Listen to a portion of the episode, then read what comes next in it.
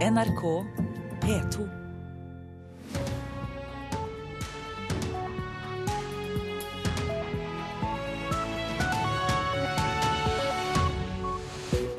Framtidas pensjonister kan tape på regler som skulle beskytte dem. Det er en av sakene du får høre her i Nyhetsmorgen. Og du får også mer om at kreft trolig kan behandles som en kronisk sykdom om noen år. Vi kan kjøpe brukt med svært god samvittighet, for vi sparer mange ressurser og store klimautslipp. Og kjendiskomikere går hardt ut mot sin tidligere skole, Westerdals School of Communication.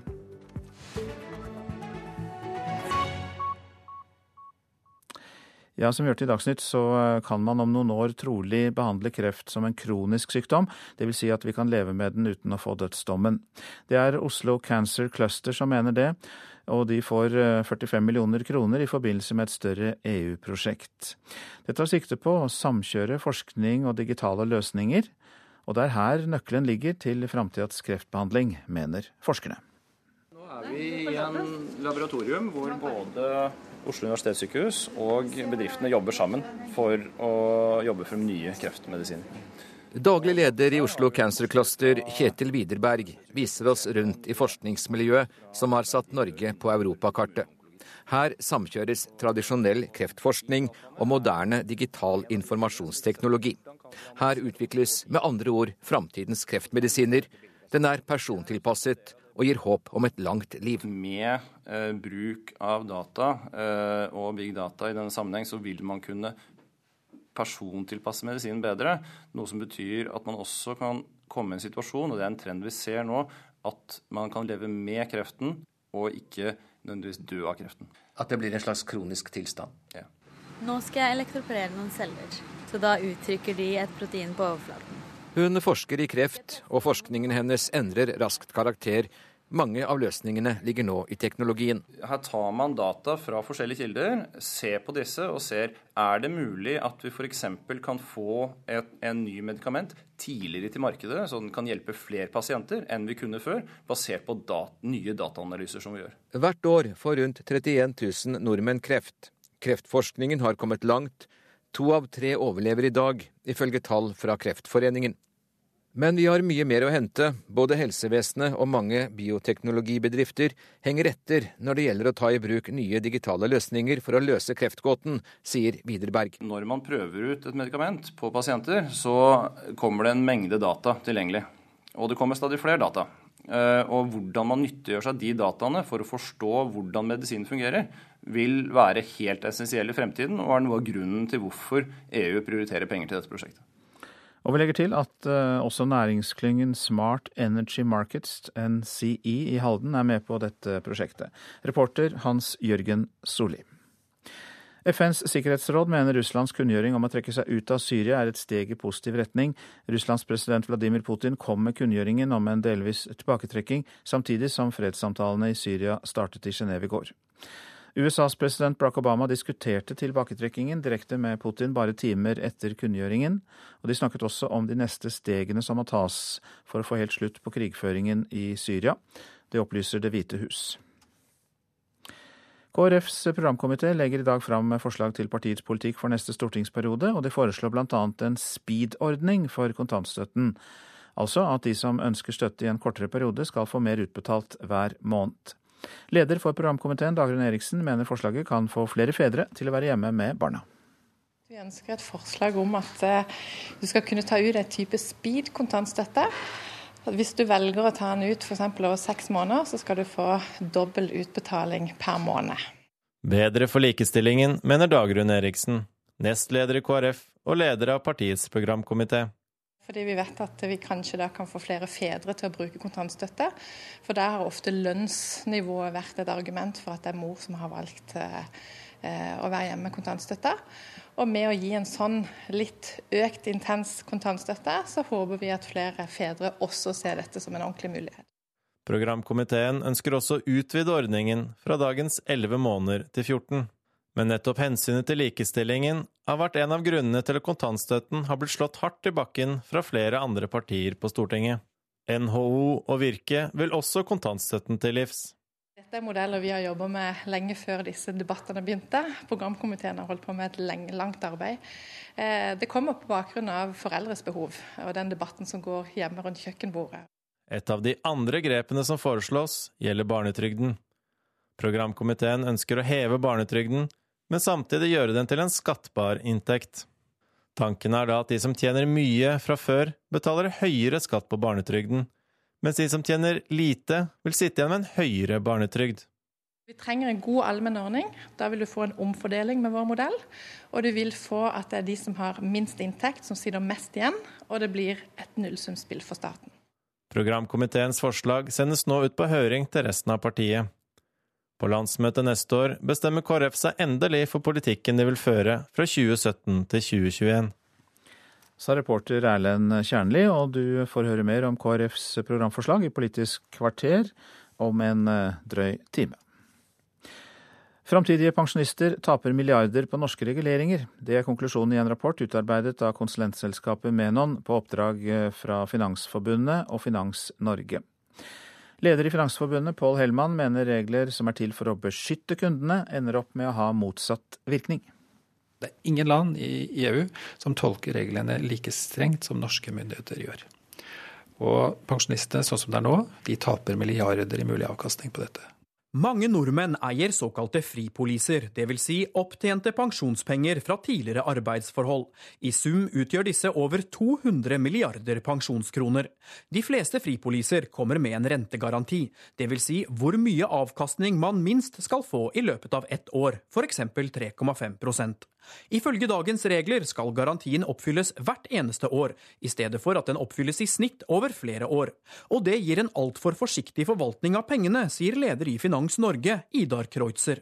Fripolisekunden i dag har i gjennomsnitt 3 av eh, sine midler investert i aksjer, og det gir en lavere forventet eh, avkastning. Så summen av dette vil føre til lavere forventet pensjon enn om man hadde hatt et system som stimulerte til en høyere aksjeandel. Poenget til Finans Norge og Finansforbundet er dette. Aksjer svinger mer, men gir over tid høyere avkastning enn sparing i bank- og rentepapirer. Om rentegarantien kunne oppfylles i snitt over flere år, ville en større andel av pensjonspengene kunne plasseres i nettopp aksjer, og sjansen for å få bedre avkastning enn rentegarantien ville øke betraktelig. Alle taper på strukturen vi har på det norske regelverket. Derfor kommer dette forslaget opp om å endre kravene til garanti, eh, slik at det er en forventning om en høyere andel aksjer eh, man sparer i. Og da får man en høyere forventet avkastning, høyere forventet pensjon. Ifølge anslag fra konsulentselskapet Menon vil det å øke aksjeandelen i fripolisene til moderate 15% gi en forventet meravkastning på 16 milliarder kroner de neste 20 årene. Penger fripoliseeierne går glipp av med dagens regler, ifølge finansnæringen. Men statssekretær Tore Vamrok i Finansdepartementet er skeptisk til å endre dagens ordning. Næringen ønsker at kundene skal ta mer risiko, være mer eksponert i aksjemarkedet. Eh, det kan jeg ha sympati for, men eh, jeg ønsker ikke å gå inn og regulere eh, slik at norske pensjonskunder er forpliktet til å ta større risiko av aksjemarkedet. Men leder Pål Hellmann i Finansforbundet mener departementet i så fall har misforstått. Det er ikke snakk om at kundene skal ta mer risiko, for garantien om en årlig minimumsavkastning vil fortsatt være der, sier han. Men de kan gå glipp av større avkastning enn som så. Jeg tror man overfokuserer på det som skal være en garanti. Det er i hvert fall slik vi tolker departementet. Reporter, det var Halvard Norum. Avisene nå. Tynneste ozonlag siden 1979 er advarselen i Fedrelandsvennen. Det lave ozonnivået over Sørlandet gir mer ultrafiolett stråling som kan gi skader på hud, øyne og arvestoff. Eksperter råder folk til å beskytte seg mot vårsola. Kirken får skjult millionstøtte, langt mer enn budsjettposten på statsbudsjettet, får vi vite i Vårt Land. Staten yter nemlig pensjon, feriepenger, advokathjelp, regnskapsføring og forsikringer. Subsidier som ikke ytes til andre tros- og livssynssamfunn. Human-Etisk Forbund krever derfor mer penger. Lokale topper i Venstre vil vrake Frp og gå til Arbeiderpartiet, er oppslaget i Klassekampen. Venstre i Trondheim, Bergen og Agder vil kaste den blå regjeringen i 2017. Det bør gå an å finne en løsning med Arbeiderpartiet, sier Stian Serius i Trondheim Venstre. Ordførere ber om krisehjelp. VG har snakket med ordførere på Vestlandet som frykter velferdskutt i sine kommuner. Og nå ber de om statlig krisehjelp når 34 000 oljejobber er borte. Fikk opptil en halv million i avslag på hver leilighet. Dagens Næringsliv skriver om et kupp på Norefjell, der eiendomsinvestor Peter Holst Påske fikk kjøpe 16 leiligheter billig av Danske Bank. Nå er seks av dem solgt videre til full pris. Bankene vil drive bank, ikke eiendom. Derfor har de vært villige til å gå ned i pris, sier Påske. Politisk krangel om Hordfast er oppslaget i Bergens Tidende om den fergefrie forbindelsen på E39 mellom Stord og Os i Hordaland. Planene om firefelts motorvei med fartsgrense på 110 km i timen har gjort Hordfast 20 milliarder kroner dyrere, og nå strides politikerne om veien er for råflott vil skjerpe konkurransen om maten, skriver Nasjonen om næringsminister Monica Mæland. Hun mener det er for vanskelig for nye aktører å etablere seg i dagligvaremarkedet, og vil ha utvidet meldeplikt ved fusjoner og oppkjøp, og se nærmere på utveksling av informasjon mellom kjedene. Flykter hjem til krigen i Syria. Aftenposten skriver om tusenvis av flyktninger i nabostatene som syns livet der er så håpløst, uten penger, uten jobb og utdanning for barna, at de drar tilbake til sitt krigsherjede hjemland. Og fotballen har begynt. Vikings Bjørn Daniel Sverrisson kunne juble for sin perle av en skåring i første omgang mot Vålerenga på Ullevål i går. Og så endte det 2-0 til gjestene fra Stavanger. Vi må skåre på sjansene våre. Det sier Vålerenga-trener Kjetil Rekdal. Altså for det første så må du berømme Viking. Sant? De stilles opp der med, med, fysisk sterke gutter som uh, gir lite plass. Og, og, da når du får plass, så må du skåre. Altså, det så han sin sjanse i første han skyter over for fem meter, der det, det, skal være 1-1. og Da blir det en annen kamp igjen. For da har du på en måte ett mål unna seieren. Så det er små marginer her. Eh, jeg tror eh, Viking er veldig fornøyd med at de kom herfra med tre poeng, og føler at de kanskje var litt heldige òg. Og vikingtrener Kjell Jonøvre er enig med Rekdal i at eh, de var litt heldige. Men 2-0 ble det til et svært effektivt vikinglag. 1-0-skåringen var utrolig flott. 25 meter, skulle prøve å fyre av et skudd. Gjør det! Ohoi! Oh, for en kanonkule! Han har det der. Han har, det der har han gjort før, og han gjør det. Han har en veldig fin venstrefot når han, kommer i de der lägena. Men det er klart at den der var jo presis. Eh, det här var ikke mange keepers som hadde tagit den. Så att, ja, den var jo veldig fin. Är årets mål redan eller? ja, i alle fall så her langt. Men det var noen fina igår också. Men det var i alle fall eh, årets for oss offensivt, det är klart det är två fantastiskt fina mål och, och vi gör 2-0 men det var, där finns det väldigt att gå på. Men, men, defensivt är det ju bra att kunna hålla nullen här mot, mot Vålerengen som jag tycker jag tycker ju de gör en ganska bra kamp egentligen. Så att när jag får se den här efteråt så kanske jag tycker att vi var lite heldigare. Reportere det var Paul Thomassen og Patrick Steen Rollins. Du lytter til Nyhetsmorgen. Klokka nærmer seg 6.46. Dette er eh, hovedsaker. Ordskiftet er blitt mer hatefullt. Derfor er det viktig å kontrollere Anders Behring Breiviks brev til meningsfeller. Det mener forskere. Mer om det etter klokka sju. Vi har hørt at kreft trolig kan behandles som en kronisk sykdom om noen år. Pasienter kan leve med kreften uten å få dødsdom, mener forskere fra Oslo Cancer Cluster. Framtidas pensjonister taper på regler som skulle beskytte dem, mener Finansforbundet. De mener det gir mer utbytte dersom rentegarantien gjelder flere år framfor bare ett år. Og færre ser tredimensjonal film på kino. Mer om det etter hvert. 1100 flyturer jorden rundt, det er det vi sparer i klimautslipp ved å handle brukt. Det viser bruktmarkedsrapporten fra finn.no. Også en annen rapport, The Second Hand Effect, viser enorm positiv effekt av gjenbruk. Lena Samuelsson, hjertelig velkommen. Takk. Du er kommunikasjonsdirektør i Skipsted. Dere står jo bak undersøkelsene. og um, Si litt mer om uh, positive effekter som disse rapportene viser. Vi har jo for første gang kunnet gjøre undersøkelser eh, i fem land i Europa. Norge, Sverige, Frankrike, Spania og Italia. Og der har vi markedsplasser eh, som når 46 millioner mennesker, så det er en enorm eh, mengd anvendere eh, som handler brukt på våre markedsplasser. Eh, der där kan vi se hvordan den positiva effekten av at jeg faktisk handler noe av deg i stedet for å kjøpe nytt er så uhørt sterk. Og som du sier, det, de utsläppen som sparas för miljön när det gäller koldioxid eh, motsvarar då de här 1100 resorna med världens största passagerarflygplan eh, runt jordklotet. Eh, men man kan också jämföra med andra saker. Du kan jämföra med att det är utsläpp motsvarande en och en halv miljon människor, europeer ungefär, som sparas för miljön. Så vi har försökt omsätta siffran i det som går att förstå på ett bättre sätt. Man kan titta på soffor eh, som är väldigt stort, söks mycket på alla våra marknadsplatser. Eh, och de utsläppen som sparas varje år, det är 12,5 miljoner ton koldioxid. Eh, det är en uträkning där man eh, gör om alla råvaror och sånt till koldioxid. Eh, och det är, det är väldigt stora summor och det är en fråga som är allt viktigare också för både samhället och människor och oss som konsumenter. Så the second hand effect är då den undersökningen som vi kommer med idag på de fem marknaderna. Och Finn presenterer samtidig sin brukerrapport. Da eh, har dere jo eh, positive ting dere kan eh, klappe dere selv på skulderen av, og det tror jeg mange er enig i. Og samtidig så tjener det vel også rimelig godt på disse bruktmarkedene Finn.no og de andre rundt omkring i Europa? Absolutt. Finn har alltid vært en lønnsom virksomhet for Schibsted. Eh, liksom våre markedsplasser. Eh, og det er oerhört viktig også at det er ligger i vår kjernevirksomhet, og at vi har en holdbar kjernevirksomhet. Eh, det er forutsetninger eh, at att det här ska kunna vara långsiktigt.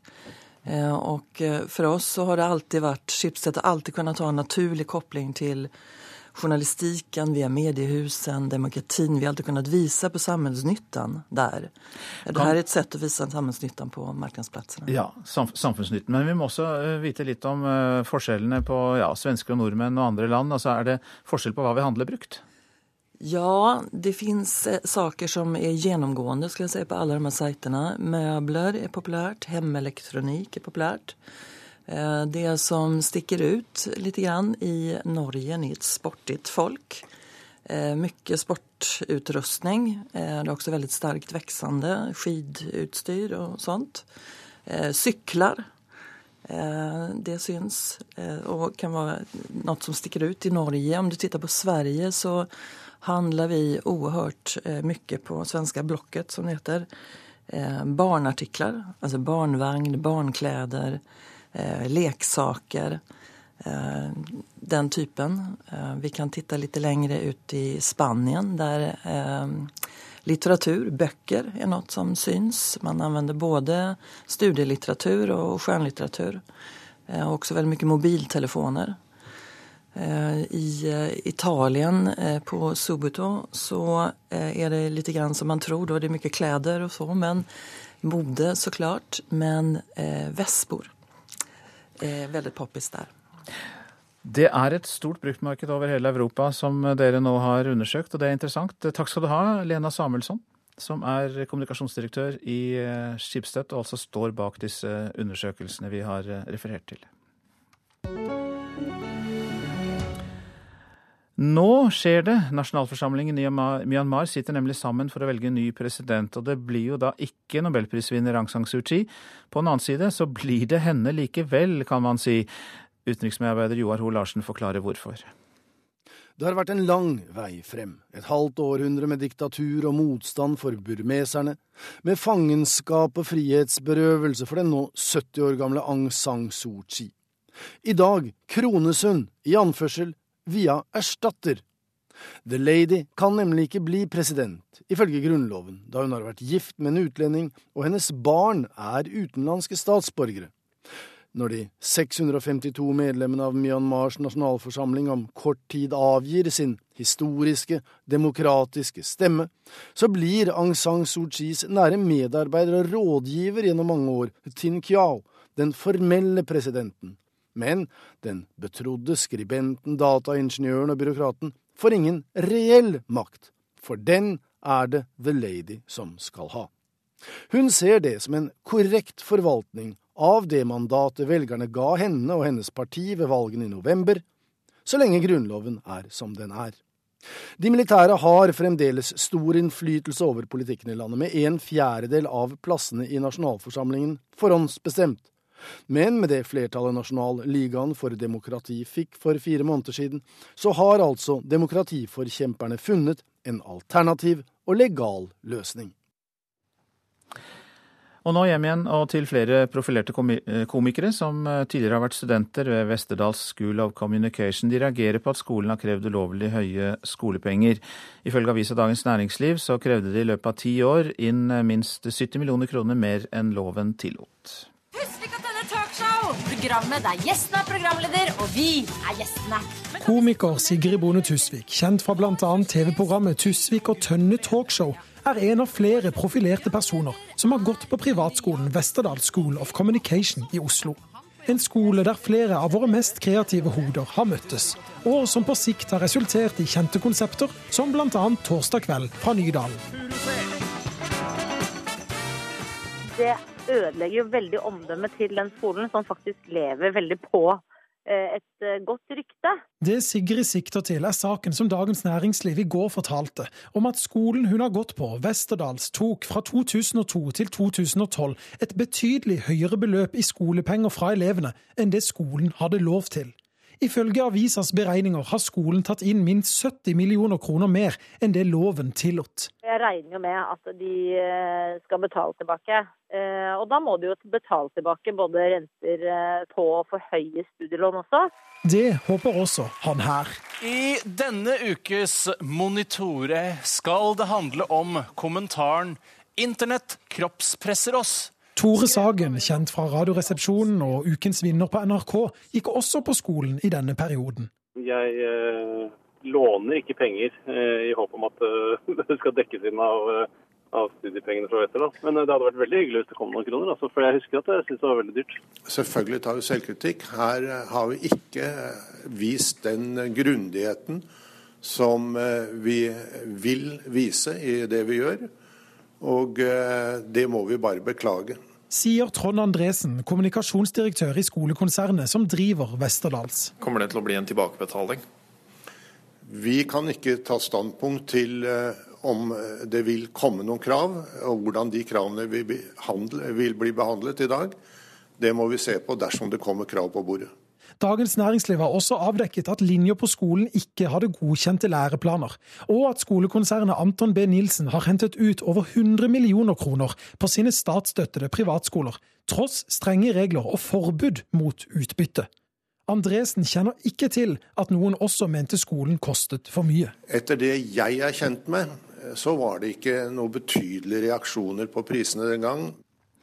Og Kunnskapsdepartementet vil ikke svare på om de vil anmelde saken til Økokrim. Reportere Christian Ingebrigtsen og Øsker Tufan. Vi ser ikke så mye tredimensjonal film på kino som før. Bare 14% av alle kinobesøk er på en 3D-film. På Colosseum kino i Oslo er det liten tvil om hva folk foretrekker. Nei, jeg syns ikke 3D er så bra at det er verdt å betale for, eller at det er veldig behagelig å se på. Altså, jeg syns uh, vanlig er best. Disneys nye film Zootopia vises for tiden både i 2D og 3D landet over. På vei inn i kinosalen på Colosseum foretrekker de fleste NRK snakker med det flate formatet. Jeg syns ideen om 3D er veldig god, men jeg syns det sjelden funker veldig godt i praksis. De er ikke alene. Interessen etter å se 3D-film har nemlig stupt de seneste årene, viser nye tall fra bransjeforeningen Film og Kino. I 2011 var hver fjerde solgte kinobillett til en 3D-film. I fjor var denne andelen nærmest halvert. Dette til tross for at det var flere 3D-filmer å se, og flere 3D-saler å se dem i.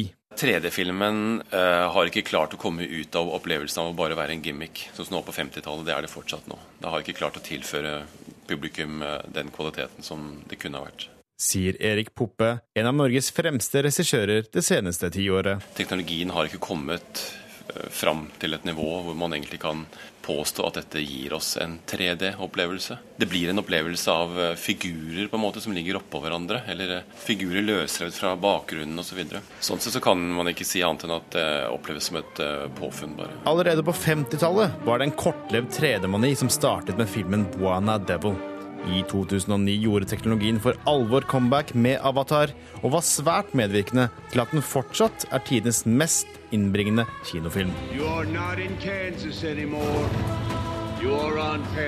Siden har så å si alle de store blockbusterne kommet i 3D. Nei, Det kan jo virke som det har vært en topp i 2011 og at det nå går nedover. Det er klart at det, det er eh, begrenset hvor, hvor mye man bruker disse 3D-effektene for rett og slett ikke å slite ut publikum. Sier Guttorm Petersson, direktør i Film og Kino, men han legger til Nei, Jeg vil si at uh, 3D er kommet for å bli, men, uh, men at uh, publikum ikke er så opptatt av det lenger som, som de har vært. Men jeg skal love deg at når de kommer dit, at 3D-en begynner å fungere, om de hadde klart å jobbe mer med teknologien, så skal jeg være førstemann til å vurdere å, å bruke det på, altså i andre typer filmer enn bare de rene popkornfilmene. Reportere Nikolai Voldsdal og Thomas Alvarstein Ove. Værvarselet nå. Østafjells og fjellet i Sør-Norge ser vi samlet, og det blir stort sett pent vær. Lokal morgentåke i lavlandet. Rogaland får tåke på kysten, ellers pent. Hordaland tåke på kysten, ellers pent. Sogn og Fjordane stort sett pent vær også der. Møre og Romsdal i ytre strøk skyet vær, ellers delvis skyet oppholdsvær, og stort sett pent vær for øvrig i Møre og Romsdal. Nordover til Trøndelag, der blir det litt mer skyet og yr av og til, og lokal tåke. Nordland liten vestlig kuling utsatte steder i nord. I Vesterålen perioder med stiv kuling. Og det blir også periodevis regn i Nordland.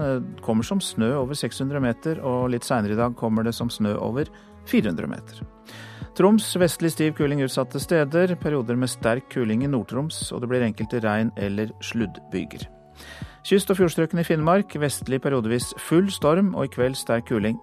Sluddbyger, seinere snøbyger og nedbør eh, blir det mest av i vestlige områder. Finnmarksvidda vestlig, ja, så var det Nordensjøland på Spitsbergen. Eh, nordlig stiv kuling på kysten og litt snø. Og det er plussgrader over eh, hele landet, bortsett fra Svalbard, som har minus tre. Og gradene varierer litt fra sju til én plussgrad.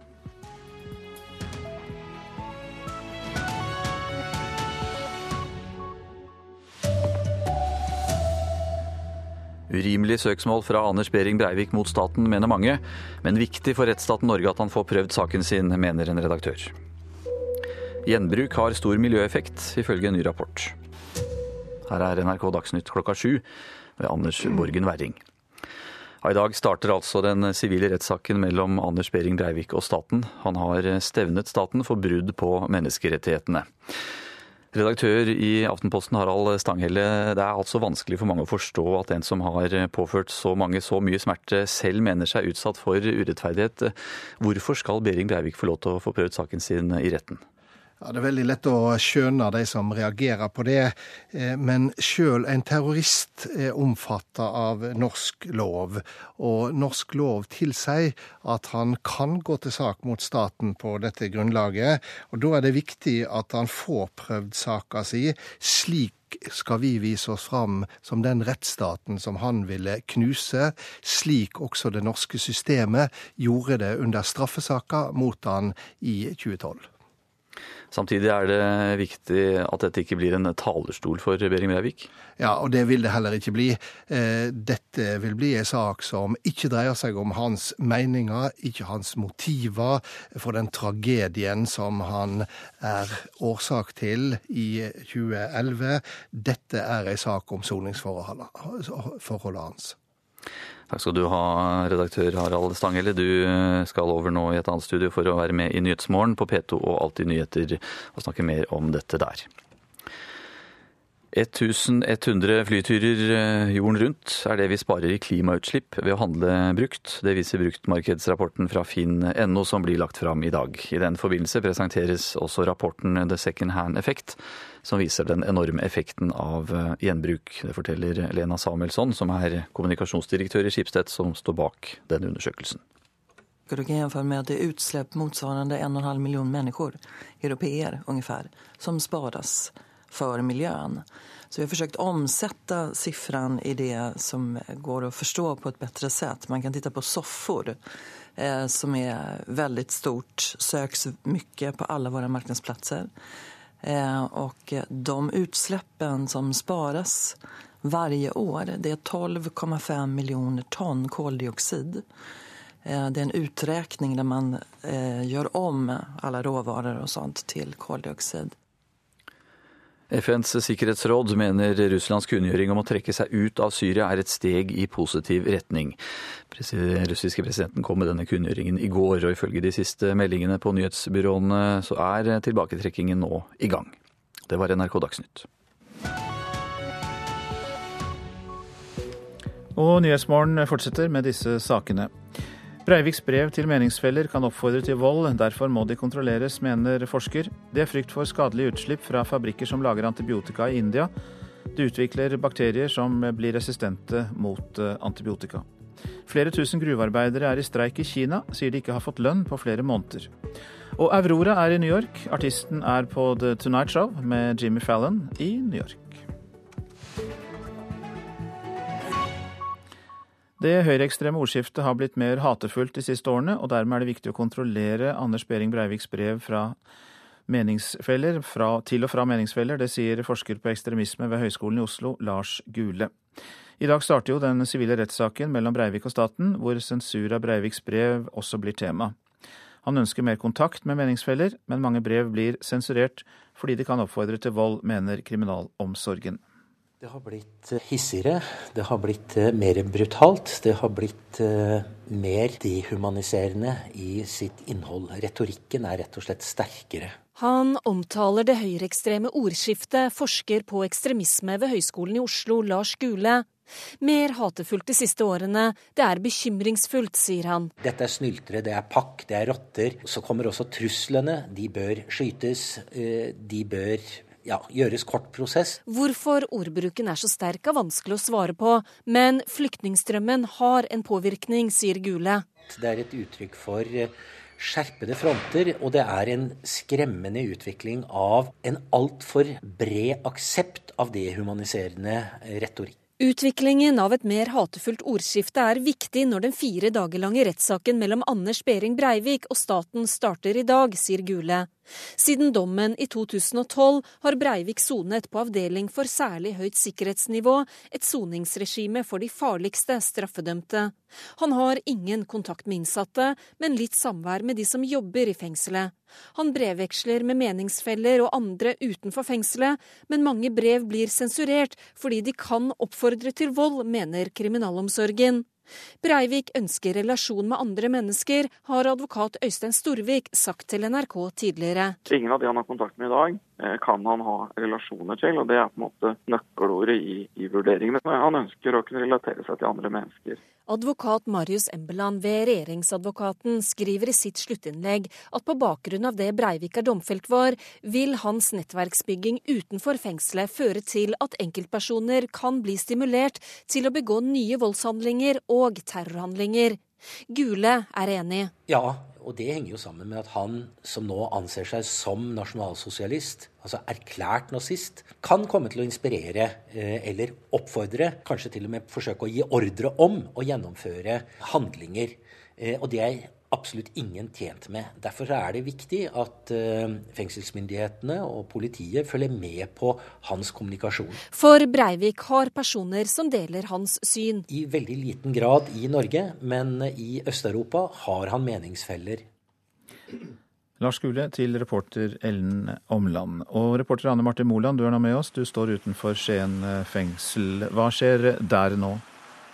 Her eh, venter et eh, knippe journalister og eh, fotografer på å komme gjennom sikkerhetskontrollen som er satt opp i forbindelse med denne rettssaken, som altså skal foregå inne i gymsalen i Skien fengsel av sikkerhetsmessige grunner og av praktiske grunner. Det blir en rekke sjekkpunkter for oss innover i, bak fengselsmuren for å komme oss til denne gymsalen. Og den lille lufteturen som Anders Behring Breivik da får fra sin Eh, celle eh, ved eh, avdeling for særlig høy sikkerhet og bort til gymsalen blir en av de få turene i frisk luft som han har hatt siden 22.07. Hva skal skje i retten i dag? I dag er det det som kalles eh, såkalte innledningsforedrag fra begge partene i denne sivile saken. Eh, det vil si at både forsvarer og eh, Det vil si at både mm, advokaten til Anders Behring Breivik som saksøker staten, og mm, mannen som representerer staten, skal legge fram et slags sammendrag av sine bevis. Advokaten til Behring Breivik på hvorfor de mener soningsforholdene til terroristen bryter med menneskerettigheten. Det advokaten kaller soningsbyrden, altså spesielt med fokus på mangel på kontakt med folk utenfra og andre innsatte. Og um, advokaten fra regjeringsadvokatens kontor vil legge vekt på at soningsforholdene er gode nok, um, og ikke minst uh, trekke fram hvorfor Breivik fortsatt er en trussel mot uh, samfunnet, og hvorfor det er viktig å begrense uh, kontakten hans med andre og ytringsfriheten hans utad. Du sa at du sto sammen med andre journalister. Er det stor interesse fra utenlandske medier også? Det er en del eh, utenlandske medier på plass eh, i Skien. Eh, det er 15 utenlandske redaksjoner og 16 norske redaksjoner som er akkreditert til å følge denne saken. Hovedvekten av utenlandske journalister vil nok følge saken i Oslo tingrett, dit denne rettssaken også blir overført. Men en del av dem er her da med hovedvekt på de skandinaviske mediene. Mange takk skal du ha, Anne Marte Moland, som er eh, vår reporter eh, ved denne rettssaken i eh, Skien fengsel. Og velkommen hit, Harald Stanghille.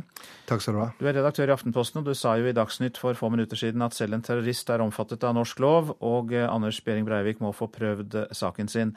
Vi hørte jo Anne Marte Moland nevne noe om det, altså at det dreier seg om menneskerettighetskonvensjonens artikkel 3 og 8. Kan du si litt mer om hva det innebærer?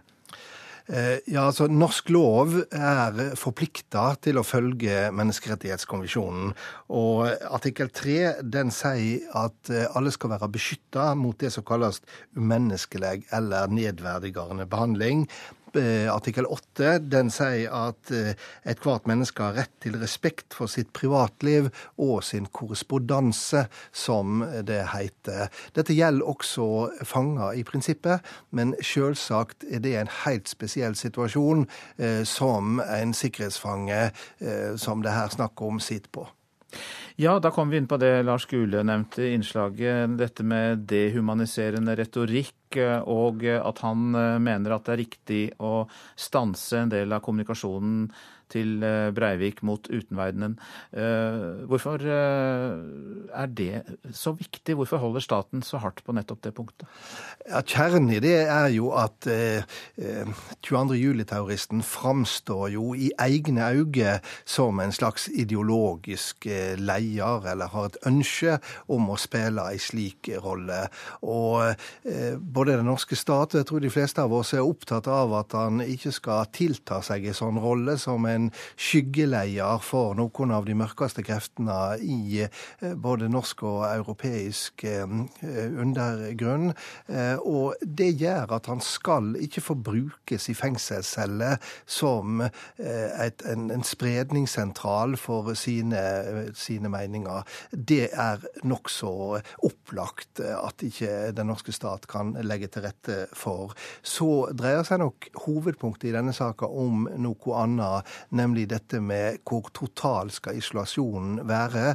Vi vet at isolasjon over tid eh, skal, kan skade mennesket, og har da en gått over den streken, eller en gått innafor, det er det denne rettssaka dreier seg om. Vi eh, snakker jo eh, om Behring Breivik nå når denne saken starter. Ofrene vil sikkert skyve dette til side, vil helst ikke høre om det, mange av dem. Men vil eh, hensynet til ofrene etter 22.07 kunne få noe å si for resultatet i saken? Eh, nei, det tror jeg ikke, fordi at eh, retten skal dømme ut ifra det den finner er riktig i forhold til norsk lov. Og eh, tingretten i dette tilfellet vil jo vite at eh, 22.07-terroristen vil nok anke en dom som ikke gir ham medhold til lagmannsretten, kanskje til Høyesterett, kanskje til Menneskerettighetsdomstolen. Så her er det jussen og vurderingene av den som vil telle for dommeren, og ikke andre ting. Og så eh, er det viktig at eh, vi som dekker saka og eh, det omlandet rundt eh, i den norske samtalen, offentlige samtalen, eh, tar hensyn til den smerten som fremdeles er der og vil alltid være der. Kommer 22. juli-terroristen til å gå igjen i nyhetsbildet i mange år? Ja, med ujevne mellomrom. Eh, jeg er ikke i tvil om at eh, det vil komme nye sivile saker av dette. Når hans forvaringstid er ute, så vil det bli en ny sak om forlenga forvaring. Så det må vi venne oss til. Og jeg ser også at lederen for støttegruppa for 22. juli-ofre har sagt det på en veldig ryddig og veldig fin og veldig eh, klar måte. at vi ville helst ikke se han igjen i det offentlige bildet, men vi må erkjenne at sånn er det. Sånn er på en måte vårt system, sånn er vårt rettssystem. Det var det han ville knuse. Da er det viktig at vi gjennom disse sakene viser at det fungerer. Også for den som har gjort den groveste og mest forferdelige eh, brotsverket eh, siden krigen tok slutt. Mange takk skal du ha, Harald Stanghelle, redaktør i uh, Aftenposten. Nå til India og om utslipp fra fabrikker som produserer antibiotika, for det fører til uh, nye bakterier som uh, blir resistente mot nettopp antibiotika. Og også antibiotika som vi bruker her i Norge for å bli friske, blir laget på disse fabrikkene. Forskere frykter at de multiresistente bakteriene kan spre seg. Min første tanke var det her kommer folk ikke å tro. Professor Joakim Larsson og teamet hans fra Universitetet i Gøteborg har i flere år forsket på skadelige utslipp fra legemiddelfabrikker i India. De har oppdaget enorme mengder antibiotika i utslipp fra renseanlegg. Og dette har ført til utvikling av bakterier som er resistente mot antibiotika. Inne i reningsverket så var en typisk bakterie resistent mot 30 av 39 testede antibiotika. Det var en typisk bakterie. Og det fantes de bakterier som var resistente mot i prinsipp alt. This is a spoiled lake. You can see the color, no? We have traces of uh, drugs. Anil Dayakar fra den indiske miljøorganisasjonen Gamana har jobbet sammen med de svenske forskerne. Han står ved en brun, illeluktende innsjø i Patancheru i millionbyen Hyderabad. Et steinkast unna er legemiddelfabrikkene. Her produseres antibiotika som hjelper nordmenn å bli friske. For lokalbefolkningen betyr det helseproblemer og miljøødeleggelser. For avfallet ender ofte opp i nærmiljøet, direkte eller gjennom renseanlegg som ikke hjelper stort. Multiresistente bakterier kommer i tillegg. Larsson frykter at de kan spre seg. I prinsipp så rekker det at en eh, resistensgen som finnes i en miljø, ufarlig miljøbakterie, lykkes ta seg over til en sykdomsframkallende bakterie på én plass en gang på jorden, og sen börja spridas. For da har man skapat den her resistente bakterien, og det, det går ikke å gjøre ugjort. Situasjonen i Patancheru er uakseptabel, sier Karita Bekkemellem, administrerende direktør i legemiddelindustrien. Vi har fått tilbakemeldinger om at legemiddelindustrien har produksjon i India og Kina som eh, har lempelige vilkår når det gjelder forurensning. Men at det var så ille, og med den type konsekvenser nå for antibiotikaresistens, var jeg ikke klar over. Og dette her må vi ta et fellesansvar for å rydde opp i. Dette her er et globalt anliggende, og ikke kun noe som India står oppe i. I Norge er det ingen etiske eller miljømessige krav i forhold til hvordan produksjonen av legemidler foregår.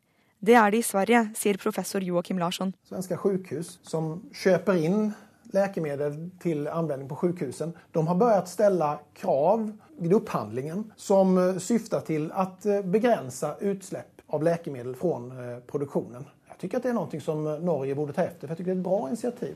Og den indiske miljøforkjemperen Anil Dayakar håper forbrukerne tar ansvar. There may be a question of moral responsibility. They saving their lives at the cost of the lives of the people in and around Patancheru. Dette er et spørsmål om et moralsk ansvar. Medisinene redder liv andre steder på bekostning av folk i og rundt Patancheru.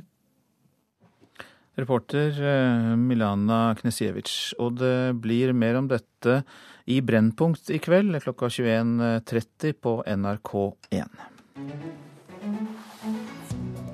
Der er klokka 7.17, og vi har disse hovedsakene.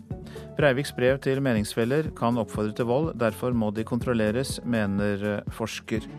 Rettssaken Breivik har eh, reist mot staten, begynner i dag. Kreft kan trolig behandles som en kronisk sykdom om noen år. Nye dataløsninger kan bidra til at pasienter kan leve med kreften uten å få dødsdommen, mener forskere. Mer om det i Dagsnytt 7.30. Og det er frykt for skadelige utslipp fra fabrikker som lager antibiotika i India, hørte vi. Det utvikles bakterier som blir resistente mot nettopp antibiotika.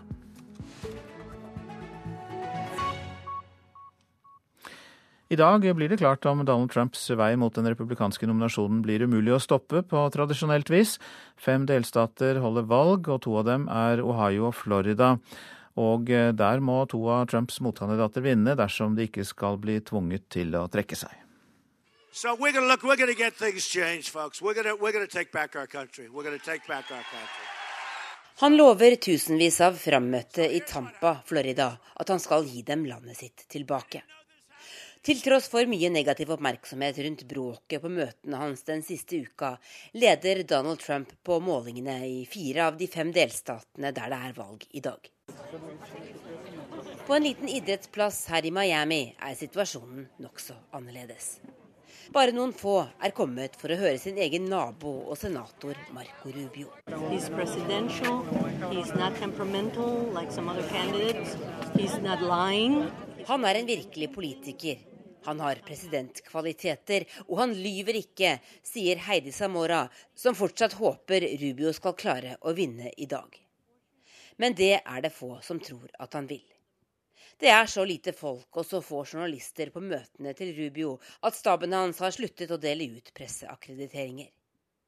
Dette kan bli den siste dagen i hans valgkamp. For dersom Trump vinner også her i Florida, slik han ligger an til å gjøre, vil Rubio trolig trekke seg. Trump vil da få 99 delegater og bevege seg raskt mot de 1237 han trenger.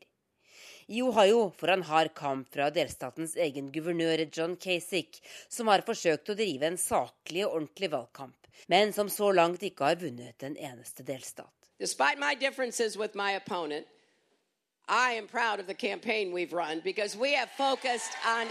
på demokratisk side har Hillary Clinton mer enn dobbelt så mange delegater som Bernie Sanders. Hun leder på meningsmålingene i alle de fem delstatene der det er valg i dag. Florida, Ohio, Nord-Carolina, Illinois og Missouri. Clinton vil imidlertid ikke få nok delegater til å sikre seg flertallet hun trenger allerede i morgen. På republikansk side er spenningen størst. Bare to kandidater, Donald Trump og Ted Cruz, kan stå igjen når natten er over. Sa USA-korrespondent Tove Bjørgaas, som uh, følger nominasjonen fra Miami. I det nordøstlige Kina er flere tusen gruvearbeidere i streik. Arbeiderne hevder at de ikke har fått lønn på fire måneder. Videobilder viser store demonstrasjoner i gatene og et voldsomt politioppbud. Kina har varslet at minst 1,8 millioner arbeidere i kull- og stålindustrien vil miste jobbene de neste årene. Asia-korrespondent Peter Svaar, eh, hvor alvorlig er disse protestene? For eh, kinesiske myndigheter de liker jo ikke uro. Ja, De er jo alvorlige. og Denne streiken eh, i eh, Heilongjiang-provinsen helt nordøst i Kina opp mot den russiske grensen er spesiell fordi arbeiderne der har rettet sitt sinne direkte mot provinsguvernøren. Og Det skjer fordi eh, Lu Hao, som han heter, under folkekongressen her i Beijing forrige uke sa at alle arbeiderne ved gruven der hadde fått betalt, og at alt var såre vel, mens de streikende mener de ikke har fått lønn på månedsvis. Og De kaller guvernøren en løgner. Han har nå blitt nødt til å trekke uttalelsene sine tilbake og vedgå at det også i hans eh, provins er eh, problemer, slik det nå er mange steder i Kina, både i gruvene og i tungindustrien, med selskaper som ikke tjener penger lenger, og arbeidere som ikke får eh, lønninger og pensjon som de har krav på. Hva sier kinesiske myndigheter at de vil gjøre da, for de millioner av arbeidere som kan miste jobben? Ja, Kinas arbeidsministerium eh, sier 1,8 millioner kinesiske arbeidsplasser vil bli omstrukturert de neste årene. Andre eh, plasserer det tallet enda høyere, opp mot 5-6 eh, millioner, som flere kilder har sagt til nyhetsbyrået Reuters. Kina har satt av 100 milliarder yuan, eller rundt 130 milliarder kroner, til omstillingstiltak. Og de sier at disse tiltakene vil forhindre massearbeidsløshet. Men så er det jo et spørsmål om selv slike beløp er nok og om provinsmyndighetene rundt i dette store landet etter hvert vil ha penger til å betale eh, pensjon og, sluttpakker, etter hvert som da gruveselskaper og statseid industri skal gjennom en ganske kraftig effektivisering. Sprer protestene seg, er det da en eh, fare mot den politiske og sosiale stabiliteten? Det er jo det kommunistpartiet her er redd for. Og disse protestene har spredt seg, ifølge organisasjonen China Labour Bulletin, som eh, følger streiker i Kina fra sitt kontor i Hongkong. Så har det de siste månedene vært en kraftig økning i eh, slike hendelser her i Kina. Og det skjer mens den økonomiske veksten her er på sitt svakeste på 25 år, mens forbruket av kull går kraftig ned, og mens Folkekongressen eh, her i Beijing nylig varslet store kutt i bransjer hvor det har vært stor overkapasitet lenge, men hvor myndighetene har latt gruvene og stålverkene dure og gå, nettopp for å unngå uh, massearbeidsløshet, som vi nå begynner å se. Mange takk skal du ha. Beijing-korrespondent eh, Peter Svoro. Vi holder oss i Asia litt til. Den formelle voteringen er over i Myanmar, og som vi har meldt tidligere, det ble Aung San Suu Kyis eh, nære medarbeider Tin Kiav som ble valgt. Han er bare en frontfigur, riktignok, for nobelprisvinneren, så det blir The Lady, som hun gjerne kalles, som får den reelle makten. Grunnloven forhindrer at hun selv kan bli landets statsoverhode, fordi hun har vært gift med en utlending, og fordi hennes barn ikke er burmesiske statsborgere. Vi eh, kikker litt på avisenes forsider. Tynneste ozonlag siden 1979 er advarselen i Fedrelandsvennen. Det lave ozonnivået over Sørlandet gir mer ultrafiolett stråling, som kan gi skader på hud, øyne og arvestoff. Eksperter råder folk til å beskytte seg mot vårsola. Kirken får skjult millionstøtte, langt mer enn budsjettposten på statsbudsjettet, får vi vite i Vårt Land. Staten yter også pensjon, feriepenger, advokathjelp, regnskapsføring og forsikringer. Subsidier som ikke ytes til andre tros- og livssynssamfunn, og Human-Etisk Forbund krever derfor mer penger. Lokale topper i Venstre vil vrake Frp og gå til Arbeiderpartiet, er oppslaget i Klassekampen. Venstre i Trondheim, i Bergen og i Agder vil kaste den blå regjeringen i 2017. Det bør gå an å finne en løsning med Arbeiderpartiet, sier Stian Selius i Trondheim Venstre. Oljeordførere ber om krisehjelp. VG har snakket med ordførere på Vestlandet som frykter velferdskutt i sine kommuner, og ber om statlig krisehjelp nå når 34 000 oljejobber er borte. Fikk opptil en halv million eh, kroner i avslag på hver leilighet. Dagens Næringsliv skriver om et kupp på Nordfjell, der eiendomsinvestor Petter Holst Påske fikk kjøpe 16 leiligheter billig av Danske Bank. Nå er seks av dem solgt videre til full pris. Banken vil drive bank, ikke eiendom. Derfor har de vært villige til å gå ned i pris, sier Påske. Politisk krangel om Hordfast er oppslaget i Bergens Tidende. Det er altså den fergefrie forbindelsen på E39 mellom Stord og Os. Planene om firefelts motorvei med fartsgrense på 110 km i timen har gjort Hordfast 20 milliarder kroner dyrere. Og nå strides politikerne om veien er for råflott. Vil skjerpe konkurransen om maten, skriver Nasjonen om næringsminister Monica Mæland.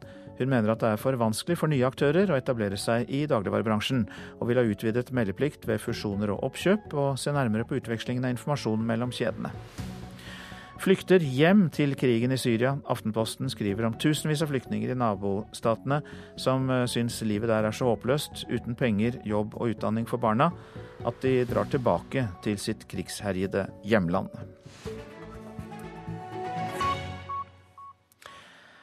Aurora Aksnes eh, spilte på The Tonight Show med Jimmy Fallon i natt.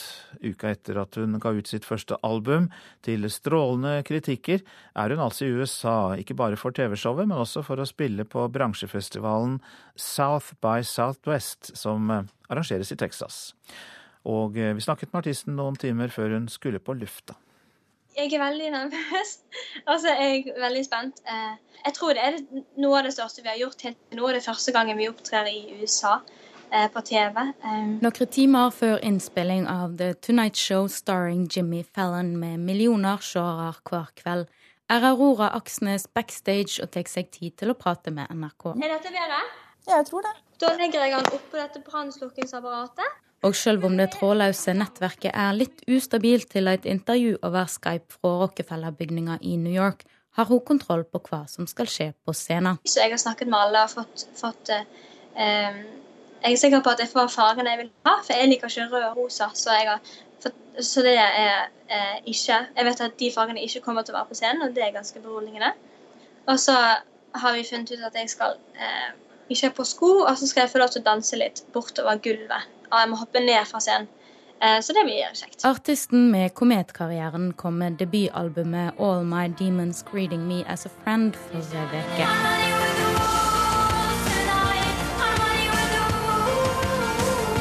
Det fikk særs gode kritikker og kom på topp 10-lista i iTunes i 31 land. Det er veldig, det er veldig fint. Jeg, jeg har grudd meg veldig og gledet meg veldig til å gi ut albumet. Men det er fint å si til seg sjøl at man ikke er at man kunne gjort det så mye bedre. Og det er iallfall jeg veldig flink til å si til meg sjøl med, med, musikk og sånt. Jeg er veldig eh, perfeksjonist. Jeg vil at ting skal høres ut akkurat sånn som det er i, i, drømmene mine, og det er jo egentlig umulig. Så det rører meg veldig at folk ser eh, fine ting i, i albumet mitt. Etter å ha spilt for Jimmy Fallon skal hun rett til den enorme bransjefestivalen South by Southwest i Texas for å holde konsert torsdag og i april skal hun tilbake til USA på turné. Nå håper hun TV-showet kan hjelpe på billettsalet. Jeg tror det kommer til å gjøre en liten forskjell. Men på tross av ei rekke konserter i landet, ser ikke Aurora ei USA-satsing som ei viktig prioritering i seg sjøl. Um, ikke, ikke, for meg sånn egentlig. Uh, det, det, er veldig gøy å være i USA. Uh, mest fordi at når man kjøper frokost, så får man så stor porsjon. Og det er veldig gøy når man kjøper pannekaker til frokost. Men jeg, jeg, liker jo best å være i Norge, selvfølgelig, og være litt nærmere hjemme. Det er fint å kunne ringe hjem til mamma og, og pappa og ikke vekke dem. Og Aurora hun blir intervjuet av Maria Piles Svåsand og Marianne Rustad Karlsen. De lytter altså til uh, Nyhetsmorgen. Produsent er Martin Marit Selmer Nedrelid. Her i studio Øystein Heggen. Syriske flyktninger i Istanbul venter med å reise til Europa etter utkastet til avtale med Tyrkia og EU, eh, for den kan nemlig føre til at flyktningene blir sendt tilbake igjen. Hør flyktningene fortelle om sine dilemmaer i reportasjen etter Dagsnytt. Dobbel kontantstøtte, mer barnetrygd og fire uker utvidelse av foreldrepermisjonen, det er hva KrF lokker med i sitt partiprogram. Og det er dermed et av temaene for debatten i Politisk kvarter. NRK P2.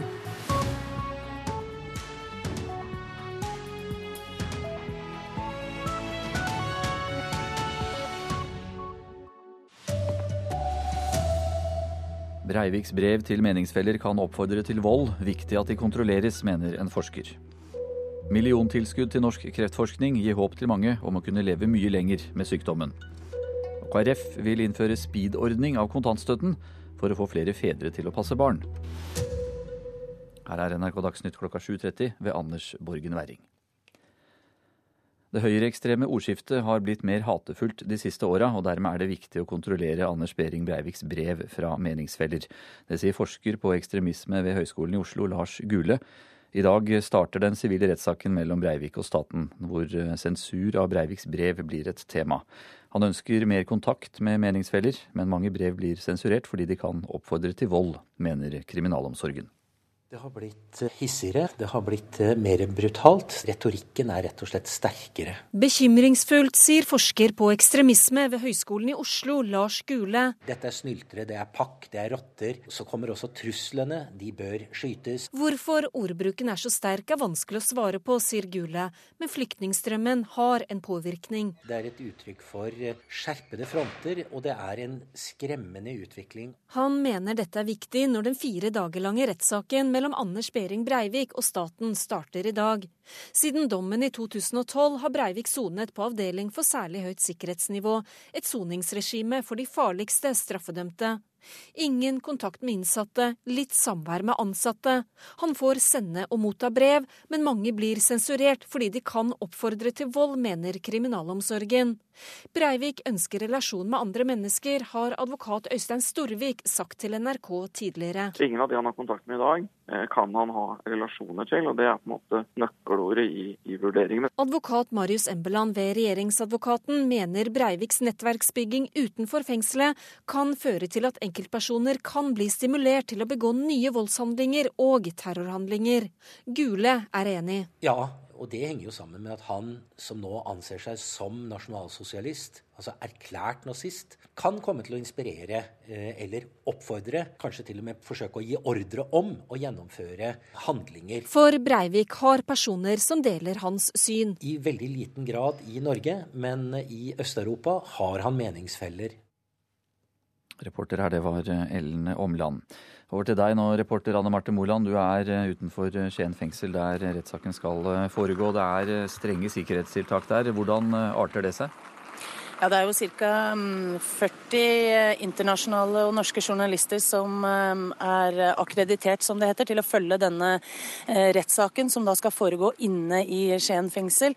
Og nå står vi i en eh, ganske omfattende sikkerhetssjekk, eh, der vi må vise ID flere ganger på vei inn bak murene, og det er ganske streng bevoktning og narkohunder på plass, som skal da slippe oss inn inn eh, i fengselet etter hvert. Denne mm, rettssaken skal jo foregå da i, i gymsalen i Skien fengsel, både av sikkerhetsmessige grunner og av, og av praktiske grunner. Og den eh, lille turen som da Anders Behring Breivik får fra sin eh, celle på høysikkerhetsavdelingen inne i fengselet og bort til gymsalen, blir jo en av de få turene han har vært på siden 22. juli-angrepene. Hva skal skje inne i rettssalen i dag? I dag er det mm, såkalte innledningsforedrag fra begge parter. Da legger de fram en slags sammendrag av det de mener er eh, sine bevis eh, i saken. Um, Anders Behring Breiviks advokat ville legge fram bevis på, på hvorfor de mener soningsforholdene bryter med menneskerettighetene, som den saken her handler om. Han vil legge vekt på soningsbyrden og terroristens mangel på kontakt med omverdenen og uh, f.eks. andre innsatte. Han har jo sittet sittet eh, fullt isolert siden han ble arrestert. Og så vil advokaten som representerer staten legge vekt på at de mener at soningsforholdene er eh, gode nok, og at eh, Breivik fortsatt er en trussel mot samfunnet, og at kontakten med omverdenen må begrenses. Takk skal du ha, reporter Anne Marte Moland. Om noen år så kan eh, trolig kreft behandles som en eh, kronisk sykdom. Dvs. Si at vi kan leve med den uten å få dødsdommen. Det mener Oslo Cancer Cluster, som nå får 45 millioner kroner i forbindelse med et større EU-prosjekt. Prosjektet tar sikte på å samkjøre forskningen og digitale IT-løsninger. Og her ligger trolig nøkkelen til framtidas kreftbehandling, mener forskerne. Nå er vi i en laboratorium hvor både Oslo universitetssykehus og bedriftene jobber sammen for å jobbe frem nye kreftmedisiner. Daglig leder i Oslo Cancer Cluster, Kjetil Widerberg, viser oss rundt i forskningsmiljøet som har satt Norge på europakartet. Her samkjøres tradisjonell kreftforskning og moderne digital informasjonsteknologi. Her utvikles med andre ord framtidens kreftmedisiner. Den er persontilpasset og gir håp om et langt liv. Både helsevesenet og mange bioteknologibedrifter henger etter når det gjelder å ta i bruk nye digitale løsninger for å løse kreftgåten, sier Widerberg. Bruken av IT og big data-analyse for å forstå, forbedre og utvikle nye konsepter for eh, kreftbehandling blir viktigere og viktigere. Også næringsklyngen NCE Smart Energy Markets i Halden er med på prosjektet. Reporter var Hans Jørgen Solli. I Myanmar er den 69 år gamle Tin Kyaw valgt til ny president. Han fikk 360 av de 652 stemmene i nasjonalforsamlingen. Den nyvalgte presidenten eh, blir innsatt 30.3, men han får ingen reell makt. Tin Kyaw er eh, nær medarbeider av nobelprisvinner Aung San Suu Kyi, og det er hun som blir landets reelle leder. Aung San Suu Kyi kan ifølge loven ikke bli president, da hun eh, har vært gift med en utlending, og hennes barn er ikke burmesiske statsborgere. FNs sikkerhetsråd mener Russlands kunngjøring om å trekke seg ut av Syria er et steg i positiv retning. Russlands president kom med kunngjøringen eh, i går, samtidig som fredssamtaler om Syria startet i Genéve. Ifølge de siste meldingene på nyhetsbyråene så er tilbaketrekkingen nå i gang. KrFs programkomité legger i dag fram forslaget til partiets politikk for neste stortingsperiode. og Det foreslår bl.a. en speed-ordning av kontantstøtten, der de som ønsker støtte i en kortere periode skal få mer utbetalt hver måned. Leder for programkomiteen, Dagrun Eriksen, mener forslaget kan få flere fedre til å være hjemme med barna. Vi ønsker et forslag om at eh, du skal kunne ta ut en type speed-kontantstøtte Hvis du velger å ta den ut f.eks. over seks måneder, så skal du få dobbel utbetaling per måned. Største grepet tror jeg kommer til å handle om likestilling. Eh, fordi vi vet at vi kanskje da kan få flere fedre til å bruke kontantstøtte. For der har ofte lønnsnivået vært et argument for at det er mor som har valgt eh, å være hjemme med kontantstøtte. Og med å gi en sånn litt økt intens kontantstøtte, så håper vi at flere fedre også ser dette som en ordentlig mulighet. Fengselet som Norge leier i Nederland er så populært at det er eh, venteliste for å få sone der. Etter noen praktiske innkjøringsproblemer med det leide fengselet Norgerhaven, merker kriminalomsorgen en økende interesse for å sone i Nederland, skriver Dagbladet. En av de norske fangene sier til en nederlandsk TV-kanal at han i Norgerhaven ikke får den samme følelsen av å sitte bak lukkede dører som han ofte fikk i Norge. Multiresistente bakterier kan eh, spre seg fra fabrikker i India som eh, produserer antibiotika til bl.a. Norge. Utslipp fra fabrikkene gjør at det utvikles bakterier som er eh, svært motstandsdyktige, og nå frykter forskere at bakteriene kan spre seg. Min første tanke var det her kommer folk ikke å tro.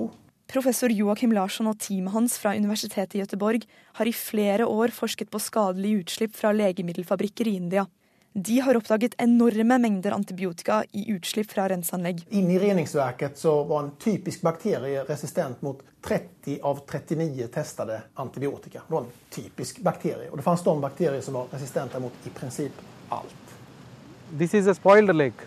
En brun, illeluktende innsjø i Patancheru i millionbyen Hyderabad. Et steinkast unna er legemiddelfabrikkene. Her produseres antibiotika som hjelper nordmenn å bli friske. For lokalbefolkningen betyr det helseproblemer og miljøødeleggelser. For avfallet ender ofte opp i nærmiljøet. Multiresistente bakterier kommer i tillegg. I prinsipp så rekker det at en eh, resistensgen som finnes i en miljø, ufarlig miljøbakterie, lykkes ta seg over til en sykdomsframkallende bakterie på én plass en gång på jorden och sen börjar spridas. För då har man skapat den här resistenta bakterien och det, det går inte att göra ogjort. Situasjonen i Patancheru er uakseptabel, sier Carita Beckmellem, administrerende direktør i legemiddelindustrien. At det var så ille, og med den type konsekvenser nu for antibiotikaresistens, var ikke klar over. Og dette her må vi ta et fellesansvar for i opp i. Brennpunkt eh, i kveld så skal det handle om eh, antibiotikaresistensprogrammet. Det starter på NRK1 klokka 21.30. Og reporter i denne saken det var Milana Knesevic. I dag så er det Sven Gullvåg som har eh, ansvaret for NRK Dagsnytt.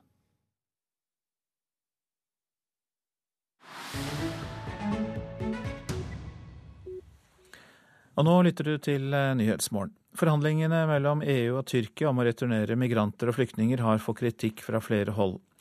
Noen flyktninger vegrer seg nå fra å reise videre mot Europa. Korrespondent Kristin Solberg har møtt syriske flyktninger i Istanbul, og de har satt reiseplanene på vent. Dette er Josef al-Hussam. Han er 25 år, syrisk flyktning i Istanbul og snakker om avtalen mellom EU og Tyrkia. Han kaller den latterlig. Okay, why I can't go there? I am just a human. I can go wherever I want. And that's, uh, that's so ridiculous. Jeg er bare et menneske. Jeg bør kunne dra hvor jeg vil, sier han. Jeg møter Josef og en jevnaldrende kamerat, som også heter Josef, og som også er fra Syria, på en benk i Gesi-parken, rett ved Taksim-plassen. Det er en av de første virkelige vårdagene, og noen barn spiller fotball på asfalten. Vinterjakkene er tatt av, men det blir ennå kaldt om kvelden. Rundt oss tigger noen syriske jenter i åtte-niårsalderen om noen tyrkiske lire. Tiggerbarna finnes overalt nå, som en konstant påminnelse om krigen i Syria. Ikke at Josef og Josef trenger påminnelser. De tenker på Syria hele tiden uansett. Men de har også tenkt på Europa. Tyrkia er ikke et blivende sted for syriske flyktninger, mener de. Men høye bølger, den stengte grensen til Makedonia, og nå aller sist avtalen mellom Tyrkia og EU, har satt en stopper for planene. Ifølge avtalen skal alle flyktninger og migranter som ankommer de greske øyene i båter fra Tyrkia, sendes tilbake First reaction when you heard about this deal, what was your first thought? يعني متوقع كل شيء متوقع يعني حتى متوقع انه بيوم من الايام مثلا يجمعوهم كلهم ويرجعوهم على سوريا مثلا فكل شيء متوقع يعني من اول ما Jeg er egentlig ikke overrasket, sier Josef Bakker.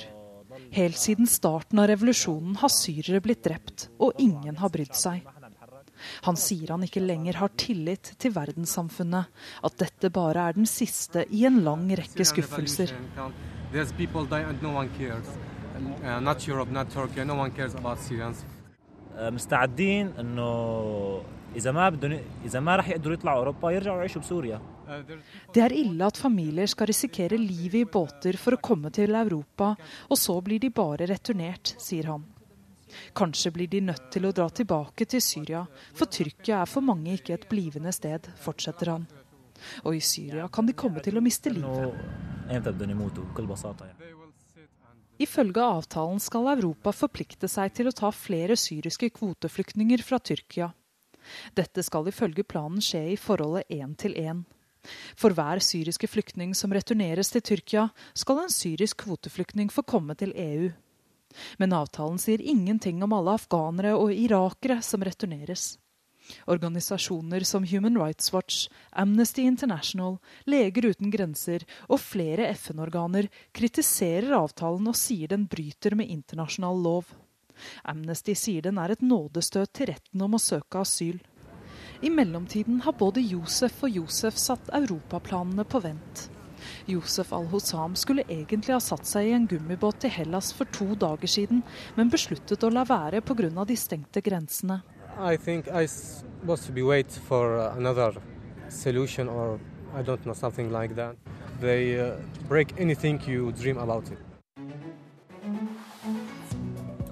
Dette er eh, hovedsaker i Nyhetsmorgen. Kreft kan trolig behandles som en kronisk sykdom om noen år. Nye dataløsninger kan bidra til at pasienter kan leve med kreften uten å få dødsdommen, mener forskere. Framtidas pensjonister kan tape på regler som skulle beskytte dem, mener Finansforbundet. De mener problemet er rentegarantien, som oppfylles hvert eneste år i stedet for over flere år. Anders Behring Breiviks brev til meningsfeller kan oppfordre til vold, og det er viktig at de blir kontrollert, mener forsker.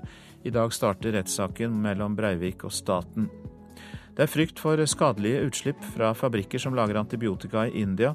Utslippene fører til at det utvikles bakterier som blir resistente mot antibiotika. Og Aung San Suu Kyis nære medarbeider Ki Kiav er valgt til president i Myanmar. Grunnloven forhindrer at hun selv kan bli landets statsoverhode. Astrid Randen er programleder for Politisk kvarter, som kommer nå.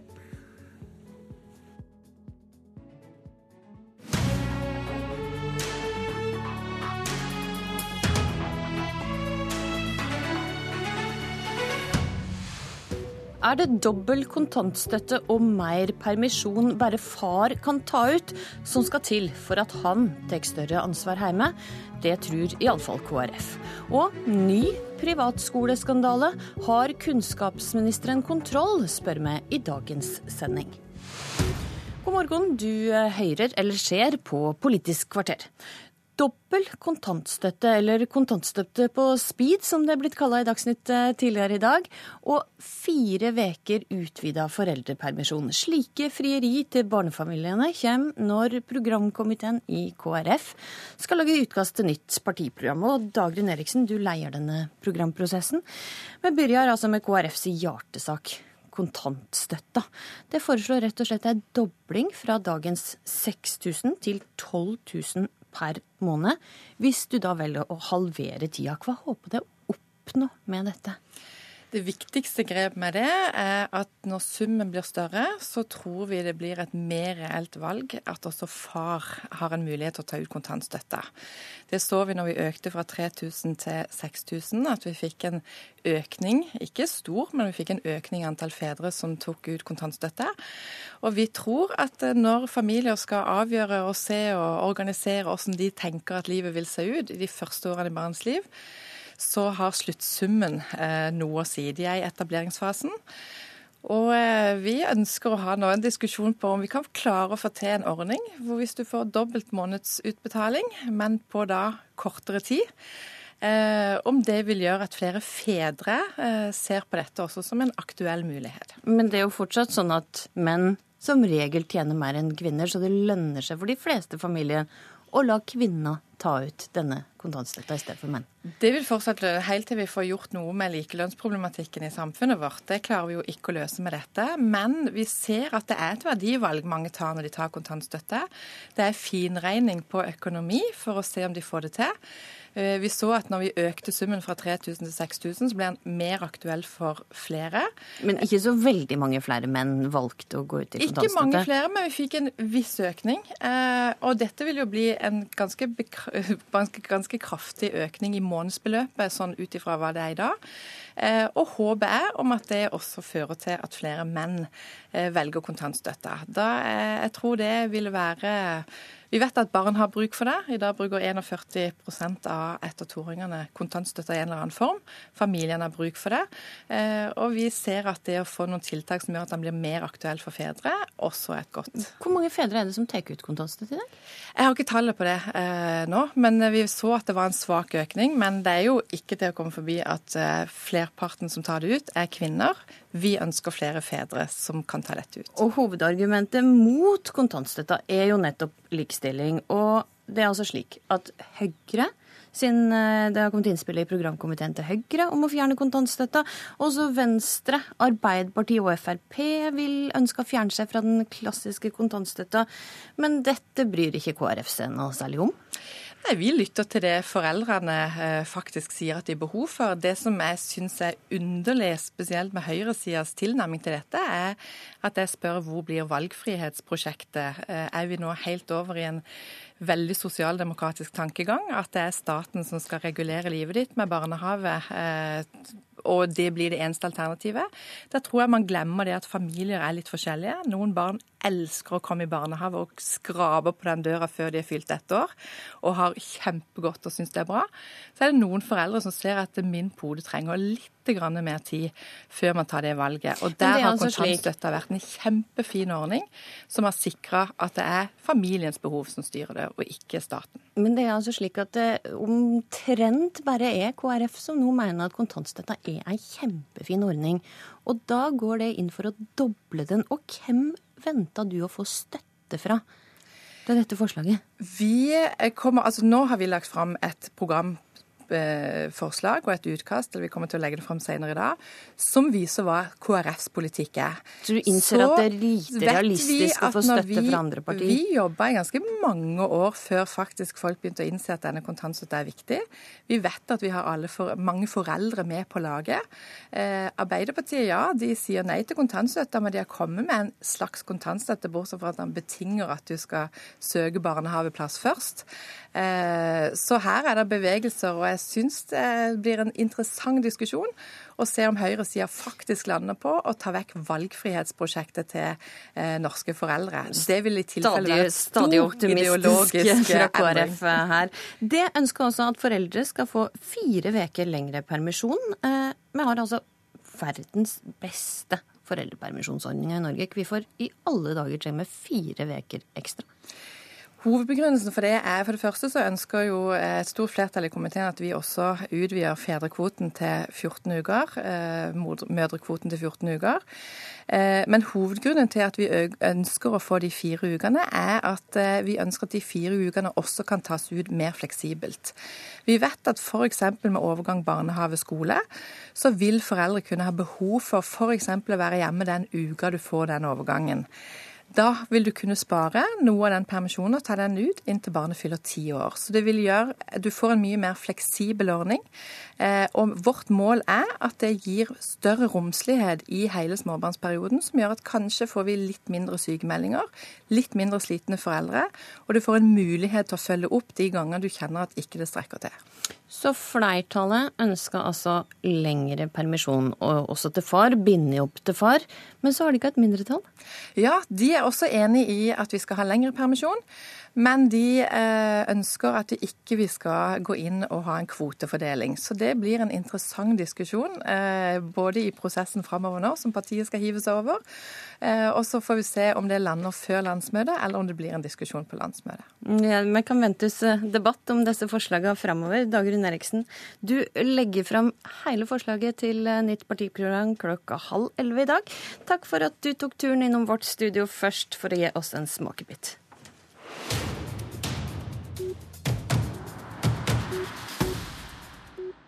Nå skal vi over til å snakke om private skoler. For som Dagens Næringsliv skrev i går, har den private skolen Westerdals krevd inn mellom 20 og 30 000 per elev per år, mer enn det de hadde lov til. I tillegg så har de mottatt for mye statsstøtte. Og eh, kunnskapsminister Torbjørn Røe Isaksen fra Høyre, først hvor alvorlig ser du på den saken? Det er en alvorlig sak. Ehm, dette er jo da en sak som ligger i årene mellom 2003 og 2012. Eh, hvor Westerdals var under et lovverk som satte noen begrensninger på hvor mye elevpenger eh, de kunne ta inn. Eh, og så har de tatt inn mer enn de har lov til. Nå har skolen også sagt det helt klart og tydelig selv. Og det er det noe som har kommet opp i forbindelse med Kunnskapsdepartementet sine undersøkelser av alle deler av skolen. Ei alvorlig sak i Kulturnytt rett over åtte så skal vi høre at bl.a. komiker og tidligere elev på Westerdals eh, Sigrid Bonde Tusvik ønska å få pengene tilbakebetalt. Bør hun få det? Eh, det, er, det, det, vi vurderer fra Kunnskapsdepartementets side, er jo om vi skal be om statsstøtte tilbakebetalt. Det er den type sanksjoner som vi vurderer nå.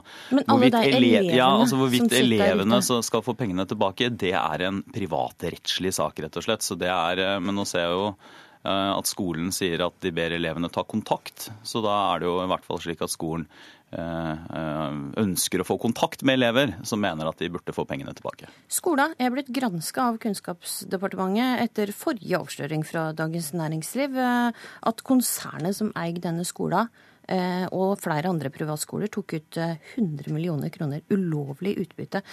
Hva har det nå kommet ut av Kunnskapsdepartementets gransking? Altså det, det, vi ser på er tre forskjellige saker. Eh, det ene er eh, denne saken som vi snakker om i dag, nemlig elevbetalingen. Eh, så ser vi også på en sak som også ligger tilbake i tid, om Westerdals også har fått for mye penger knytta til en del studier som ikke var godkjent. Altså Man har ikke rett til å bare opprette et studie i Norge og så få støtte for det, eller, eller la elevene få søke lånekassestøtte om det. Det gjelder bl.a. en film- og TV-linje som de hadde. Det er også en sak som ligger tilbake i tid. Og så er det denne transaksjonen. Det er den mm. tredje saken. Og mitt spørsmål var hva har kommet ut av Kunnskapsdepartementets gransking? Hvorfor er det Dagens Næringsliv og ikke Kunnskapsdepartementet som forteller oss om disse avsløringene? Uh, nei, Det er jo fordi Dagens Næringsliv er en avis. Men det er jo da Kunnskapsdepartementets prosess som f.eks.